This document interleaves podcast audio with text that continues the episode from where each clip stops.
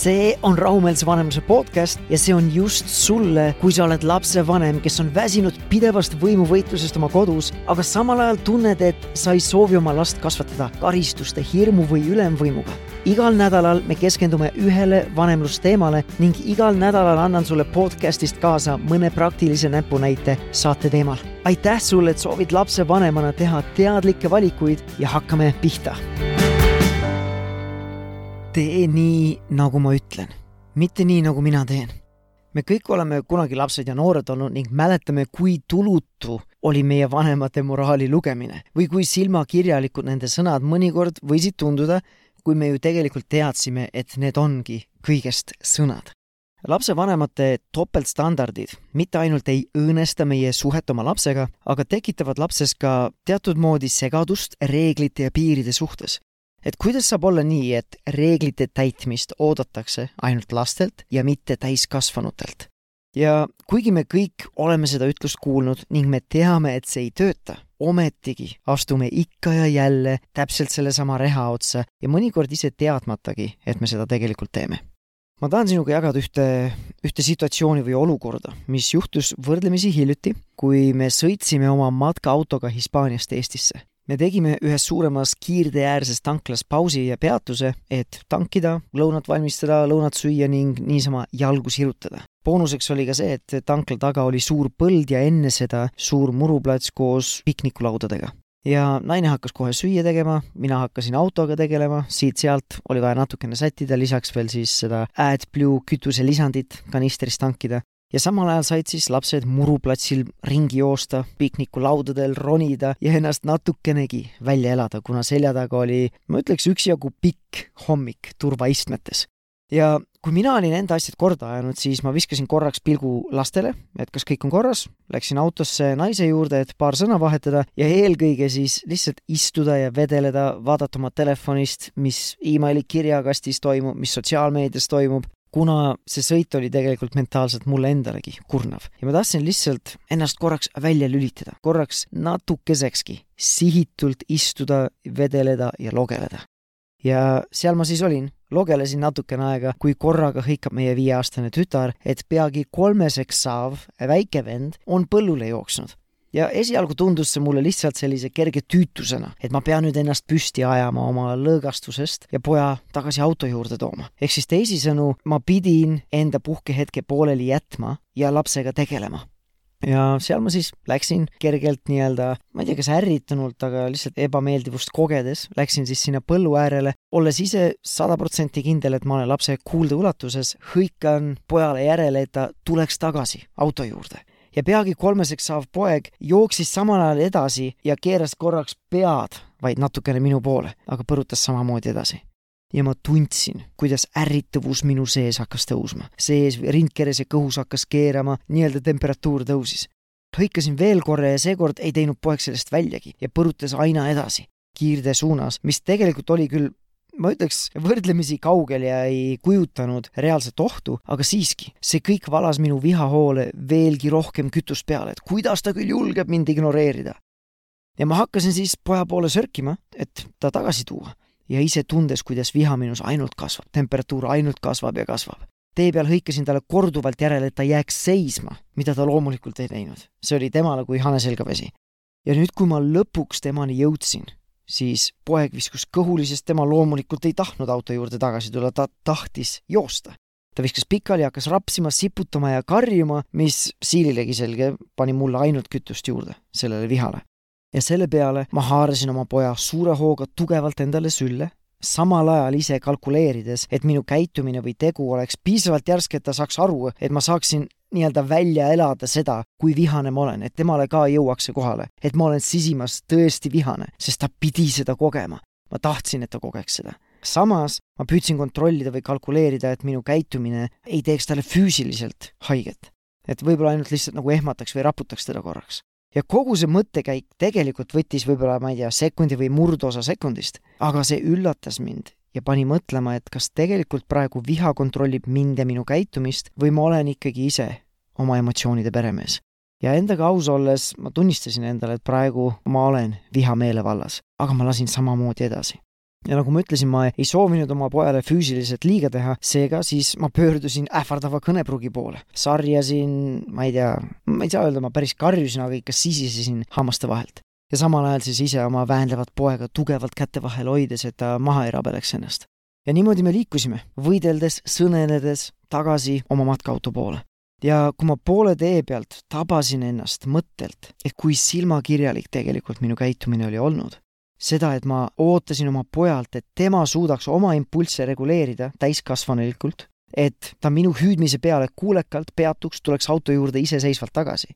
samas, kuna mina tahtsin lihtsalt logeleda ja vedeleda ja sotsiaalmeedias aega veeta, aga tema käitumise pärast ma ei saanud seda teha, siis mina ise käitusin lapsikult, nagu tegelikult temagi selles olukorras aga ma ootasin temalt täiskasvanulikku käitumist, milleks ma ise sellel hetkel võimeline ei olnud või ma vähemalt ei demonstreerinud seda temale. ja kui ma tabasin seda, siis mul võttis mõni hetk aega, et iseendale seda möödapanekut tunnistada. Ja veel mõned hetked aega, et ma sain seda tunnistada ka temale. ja ma panin ta siis maha, ma kükitasin tema kõrgusele, tegin oma käed lahti ja küsisin, et kas ma olin sinuga liiga järsk. mille peale mu poeg nuuksudes ütles jaa ja ta viskus mu käte vahele ja minu kaisu. ja me läksime edasi hoopis rahulikumalt. laps oli koostööaltim, ta oli vastuvõtlikum minu sisendile, olgugi natuke veel nuuksudes.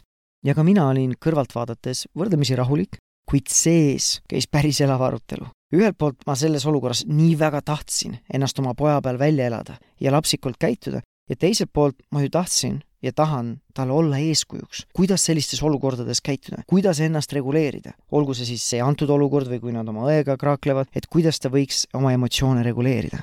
ja samas ma mõistsin, et ma mõlemat ei saa. ma ei saa ennast nii-öelda kehtestada selliselt vihasena ja tema peal ennast välja elada ja näidata talle, kui väga vihane ma olen, ja samal ajal siis eh, anda talle see eeskuju, et mõlemat korraga ma ei saa ja loomulikult käis kogu selle protsessi juurde ka veel natukene enesesüüdistamist, aga õnneks see ei olnud sellel korral nii domineeriv.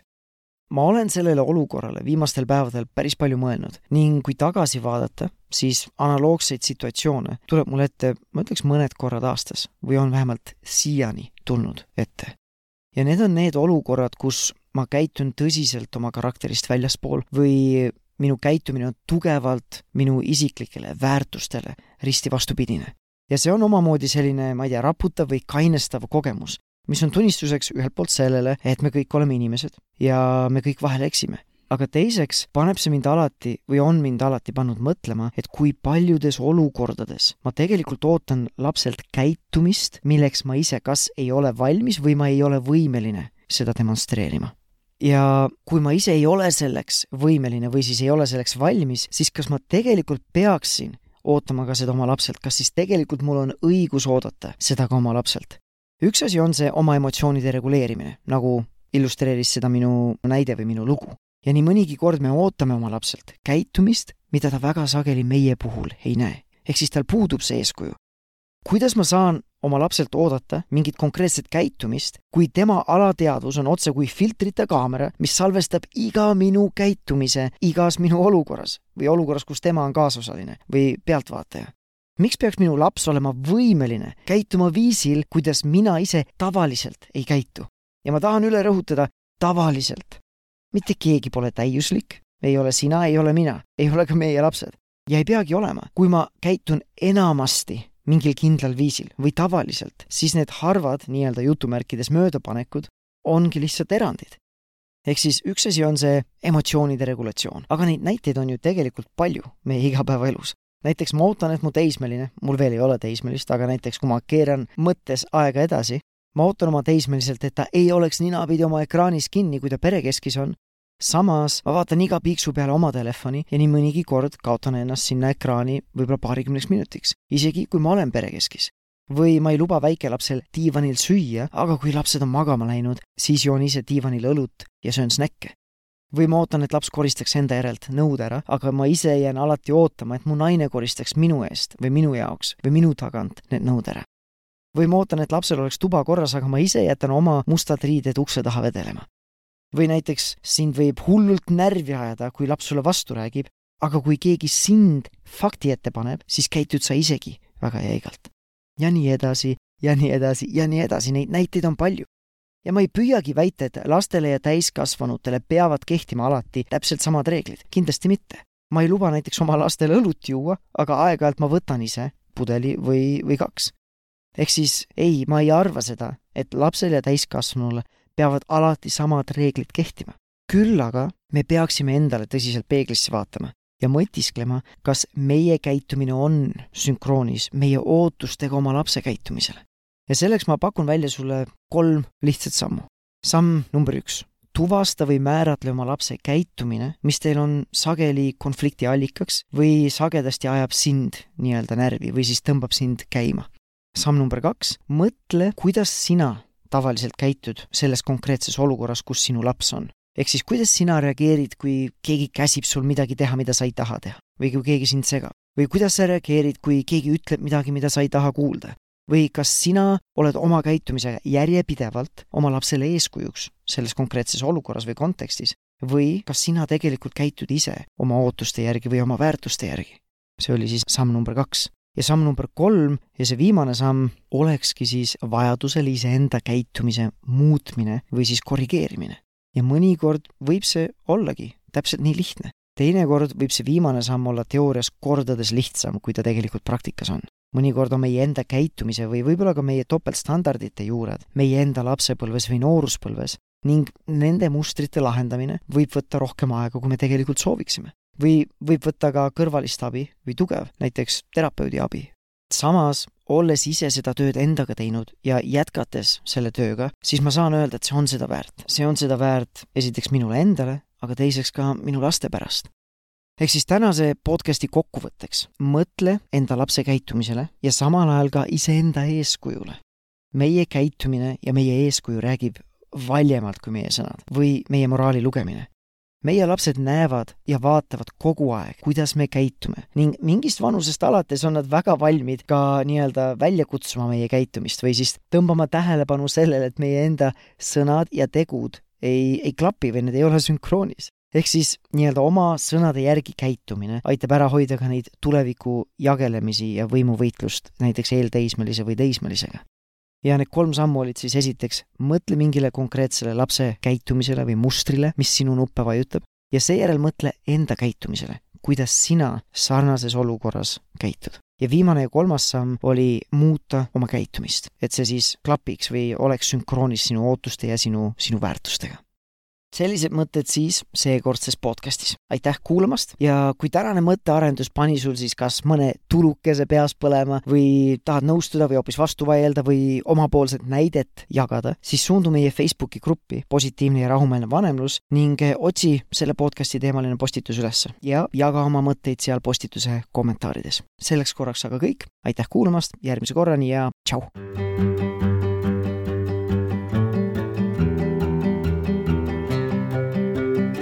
Oot-oot-oot, enne kui ma sul minna lasen, ma tahan sind tänada selle eest, et sa oled lapsevanem, kes püüab ja soovib areneda. isegi kui su laps seda praegu ei hinda, siis mina väärtustan seda, mida sa teed, nii et aitäh sulle. ja kui tänane podcast läks sulle korda, siis suurim kompliment, mida sa mulle teha saad, on soovitada seda podcasti vähemalt ühele oma tuttavale. tänutäheks ma tahan sinuga jagada ühte oma lemmikraamatu kokkuvõtet nagu sina ja mina teame, pereelu on vahepeal nii kiire, et ei jõua kõiki neid häid raamatuid kaanest kaaneni lugeda. ja just sellepärast ma olen kokku pannud ühe enda arust parima vanemlusraamatu Lapse ajukeskne kasvatus lühikokkuvõte ja ma tahan seda sinuga jagada. sa leiad selle lühikokkuvõtte veebist taneljappinen.com kaldkriips kingitus ja lõpetuseks ma tahan sulle meelde tuletada, et me keegi ei ole täiuslik lapsevanem ja see polegi oluline täiuslikkus ei tohiks kunagi olla mõõdupuu või isegi eesmärk. oluline on, et sa liiguksid samm-sammult paremuse ja rahumeelsuse poole. nii et edu sulle sellel teekonnal ja järgmise korrani, tšau!